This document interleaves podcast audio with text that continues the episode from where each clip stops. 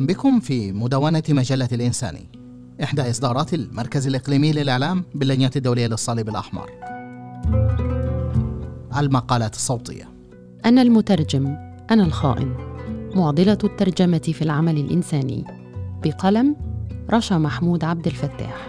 رئيسة قسم الترجمة العربية في اللجنة الدولية للصليب الأحمر. لم يقتصر التنافس التاريخي بين إيطاليا وفرنسا على ساحات القتال. فإلى جانب الغزوات والمواجهات العسكرية هناك تنافس ثقافي بين البلدين يعود إلى ما قبل عصر النهضة. فقد تنافس الفلاسفة والكتاب والفنانون والعلماء من الجانبين على موقع الصدارة في هذا العصر. وكانت الكوميديا الإلهية لدانتي أليجيري من أهم ما أنتج في عصر النهضة وما زالت تعتبر إحدى أعظم قصائد الأدب العالمي. إلا أن عمل المترجمين الفرنسيين على نقل القصيدة إلى لغتهم. أثار غضب الإيطاليين الذين زعموا أن الترجمات الفرنسية خانت القصيدة الأصلية وفشلت في نقل جمالها المعجمي والصوتي. كان هذا التنافس وراء المثل الإيطالي الشهير. تراديتوري تراديتوري أي المترجم خائن. وبصفتي مترجمة أعمل في مجال العمل الإنساني. واجهت كغيري من المترجمين العديد من التهم في أثناء حياتي المهنية منها طبعا الخيانة. إذ ينظر إلى الترجمة أحيانا على أنها كتابة متواضعة أو إعادة كتابة للنص الأصلي ويصل الأمر أحيانا إلى تصوير الترجمة على أنها اعتداء على النص الأصلي وهو ما رآه الإيطاليون في ترجمة دانتي. وربما يكون أبسط هذه التهم واكثرها شيوعا أن الترجمة نقل حرفي للنص من اللغة الأصلية وأن النص حتما سيفقد جوهره وربما يكتسب أو يفقد فروقا دقيقة وظلالا عند نقله إلى لغة أخرى. والترجمة في الواقع عمل توفيقي ما قد يجعل البعض يراه خيانة فحتى أكثر المترجمين خبرة. لا يمكنهم تجنب استحضار ثقافتهم ومعارفهم وخبراتهم وحتى صفاتهم الشخصية في عملية الترجمة. لكن من يخون المترجم؟ وماذا يخون؟ النص؟ المؤلف؟ القارئ؟ أم ثلاثتهم؟ فمن الناحية النظرية لا يمكن لأي ترجمة أن تنقل الأبعاد كافة. المعنى والعاطفة والسياق التي ينطوي عليها النص الأصلي. ومع ذلك فإن صعوبة مهمة الترجمة تكمن في تمكين قارئ اللغة الهدف أي المترجم إليها من قراءة النص الهدف بنفس عمق المعنى والعاطفة والسياق التي يشعر بها قارئ النص الأصلي. ومن ثم فقد نفسر المثل الإيطالي على أنه يشير إلى خيانة المترجم لكاتب النص الأصلي.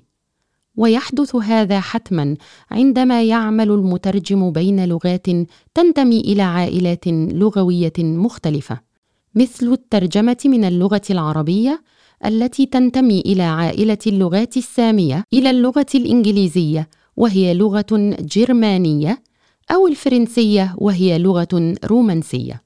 إذ لا تختلف هذه اللغات في بنيتها الدلالية والنحوية فحسب، وإنما تختلف أيضا في أنظمتها الثقافية والسيميائية، أي علم العلامات ودلالات المعاني. فإذا التزم المترجم بحرفية الترجمة بافتراض رغبته في أن يكون مخلصا للمؤلف، فهذا غالبا يفقد اللغة الهدف السلاسة وإحكام الصياغة وحسنها. أما إذا فضل المترجم أن يوظف الآليات التواصلية والدلالية في الترجمة فينقل رسالة مؤلف النص الأصلي بدلا من نقل دقيق وحرفي لكلماته فإنه يخاطر بأن يتهم بالخيانة. وبصرف النظر عن ثنائية الخيانة والإخلاص يجب أن ينظر إلى الترجمة على أنها سبيل لتحقيق التفاهم والتواصل بين الثقافات. فعلى سبيل المثال نرى في ترجمة الكلمة الإيطالية الدارجة برافو التي تعني شجاعا إلى اللغة الإنجليزية well done التي تعني أحسنت عملا أو أحسنت في العربية. كيف أن المترجم لم يخن أحدا في الواقع وإنما تحرك بسلاسة بين الهياكل النحوية المختلفة في عدة لغات؟ بهدف تطبيع الرسالة التي يحملها النص المصدر أي النص المترجم منه لتصل إلى جمهور اللغة المترجم إليها. وهكذا يكون إخلاص المترجم لمعنى ورسالة مؤلف النص المصدر لا لكلماته. وتبرز أهمية الإخلاص للمعنى بالأخص عندما يتعلق الأمر بالترجمة في إطار الاستجابة الإنسانية. فالتواصل بين العاملين في المجال الإنساني والسكان المتضررين أمر حيوي لضمان تحديد الاحتياجات والاستجابة لها بفعالية. علاوة على ذلك فهناك حاجة ماسة لنقل حملات التوعية الرئيسية بشأن القضايا الصحية والكوارث الناجمة عن الأخطار الطبيعية.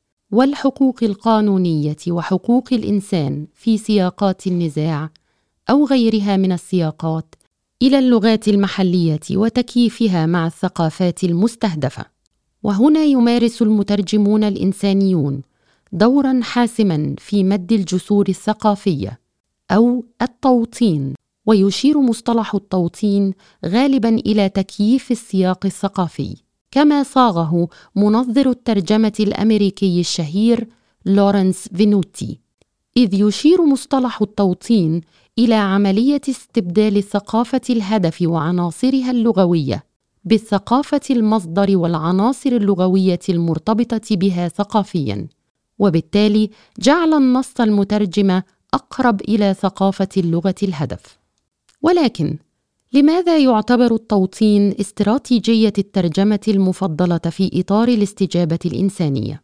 يعاني السكان المتضررون العديد من مواطن الضعف على مستويات متعددة ولكي تحقق الاستجابة الإنسانية أهدافها يجب أن تحظى بقبول السكان المستهدفين. فالوعي بمواطن الضعف والقيود الثقافية والحساسيات هو السبيل إلى تحقيق القبول والثقة. وبالتالي وصول الاستجابة والمساعدات المختلفة لمن هم في أمس الحاجة إليها. وهكذا يأتي دور المترجم بصفته طرفا اساسيا في عملية التواصل ليسد الثغرات وليضمن أن الرسائل المنقولة في إطار العمل الإنساني تأخذ في الاعتبار مواطن الضعف والحساسيات وتحترمها. أعمل في الترجمة في اللجنة الدولية للصليب الأحمر منذ ما يقرب من عقد من الزمان. وقد اختبرت هذه الاستراتيجيات في أثناء عملي وطورت دوري وأدواتي إلى ما هو أبعد من النقل الحرفي للنصوص من لغة إلى لغة أخرى. فالعمل في منطقة مدخمه بالنزاعات جعل عملي وعمل فريق المترجمين في منطقة شمال أفريقيا والشرق الأوسط تحديا يوميا.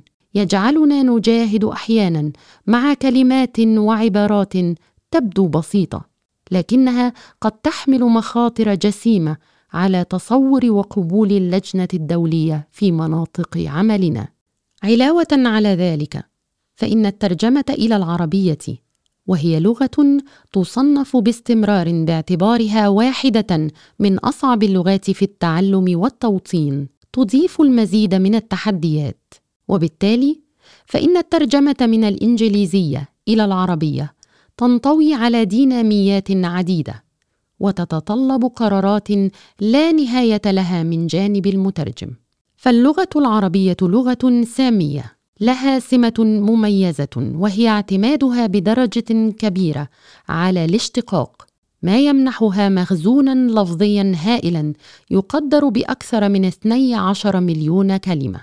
وعندما تقارن ذلك المخزون بكم المفردات في اللغة الإنجليزية التي تضم نحو مليون كلمة يمكنك تصور وفرة خيارات المفردات في اللغة العربية. ما يزيد من صعوبة اطلاع المترجمين بالاختيار الصحيح لظلال المعاني المقصودة. فمثلا يمكن ترجمة كلمة إنجليزية بسيطة مثل ساد في بيان صحافي أو تصريح أو حتى قصة منشورة على شبكة الإنترنت.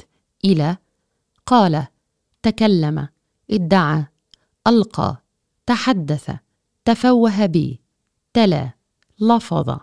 نطق. نبس بي. إلى آخره. ولترجمة كلمة condemn في بيان صحافي حول استهداف المدنيين يجب أن يكون المترجم على دراية بالسياسة والاستراتيجية الإعلامية ذات الصلة قبل اتخاذ قرار باختيار إما يشجب أو يدين أو يستنكر أو يندد به. إن ظلال المعاني التي تحملها هذه المترادفات القريبة في اللغة العربية تحدد موقف المنظمة التي تصدر البيان إذ يمكن أن يضع أحد الخيارات المعجمية حياد المنظمة على المحك. فيبدو البيان الصحافي متحيزا تجاه أو ضد طرف معين. ويبرز تحد آخر عند الترجمة إلى اللغة العربية وهو اختلاف اللهجات. فلكل منطقة في الشرق الأوسط وشمال أفريقيا مجموعتها الخاصة من اللهجات إلى الحد الذي قد يتعذر فيه على سكان منطقة ما فهم لهجة منطقة أخرى. لهذا يحدد المترجم جمهوره المستهدف واللغة التي يجب استخدامها وفقا للسياق الذي يستهدفه. ثم يتخذ قرارات بشأن التفاصيل الدقيقة والمفردات المحلية. فمثلا كلمة جاري كان والتي تشير إلى أحد المستلزمات التي تستخدم بشكل متكرر في التواصل بشأن الأنشطة والمساعدات الإنسانية والاستجابة. عند ترجمتها إلى اللغة العربية في نصوص تستهدف الجمهور اليمني تترجم إلى دبة ماء. في حين لن يكون هذا الخيار نفسه مطروحا عند الترجمة خارج سياق اليمن فعند إصدار مواد إعلامية عالمية أو إقليمية يفضل المترجم اختيارا يفهمه جميع الجمهور الناطق باللغة العربية تقريبا في المنطقة فيترجم كلمة جاريكان إلى صفيحة مياه. هناك تحد آخر يتعلق بالتوجهات المؤسسية إزاء بعض القضايا الحساسة التي تتطلب قرارات حاسمة من جانب المترجم. النزوح وهو مجال رئيسي من مجالات العمل الإنساني. أحد الأمثلة على كيفية إدراك المنظمات الإنسانية المختلفة لبعض المفاهيم والقضايا. فبينما تقوم هيئات الأمم المتحدة ولا سيما المفوضية السامية للأمم المتحدة لشؤون اللاجئين. بترجمة IDPs أو Internally Displaced Persons إلى المشردين داخليا. اختارت اللجنة الدولية ترجمة كلمة displaced إلى النازحين. ما يضفي على النازح صفة الإرادة في اللغة العربية. فيظهر كطرف فاعل باستخدام اسم الفاعل بدلا من استخدام اسم المفعول الذي قد يسلبه تلك الإرادة. أما مصطلح mental health فيترجم إلى الصحة النفسية في اللجنة الدولية بدلاً من الصحة العقلية لتجنب الدلالة السلبية والوصم المصاحبين للأمراض العقلية في بعض الثقافات. وبالمثل فإن مترجم اللجنة الدولية يترجم كلمة ديتاني إلى محتجز باستثناء سياقات محددة للغاية يفضل فيها ترجمتها إلى معتقل. هذه القرارات الواعية التي يتخذها المترجمون الإنسانيون ليست دليلا على خيانتهم إنها على العكس من ذلك.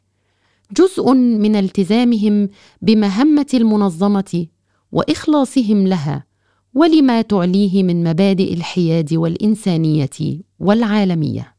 اذا فإن الترجمة كونها جزءا من الاستجابة الإنسانية هي في الأساس عمل تواصلي ووساطة ثقافية فبهدف مد الجسور وبناء الثقة يعتبر المترجمون حلفاء للجهات الفاعلة الإنسانية التي تستجيب لاحتياجات السكان المتضررين. وسواء كان مخلصا للنص أو المؤلف أو القارئ أم لا يظل المترجم الإنساني مخلصا لمهمته. ألا وهي ضمان التواصل الفعال الذي يخفف المعاناة وينقذ الأرواح. وبناء على تجربتي الشخصية والمهنية. ليس لدي شك في سياق اليوم أن الإيطاليين ربما قد أعادوا النظر في مثلهم. تراديتوري تراديتوري أي المترجم خائن. شكرا للمتابعة. للاستماع إلى مزيد من المقالات زوروا الموقع الإلكتروني لمجلة الانساني slash Alain Sani.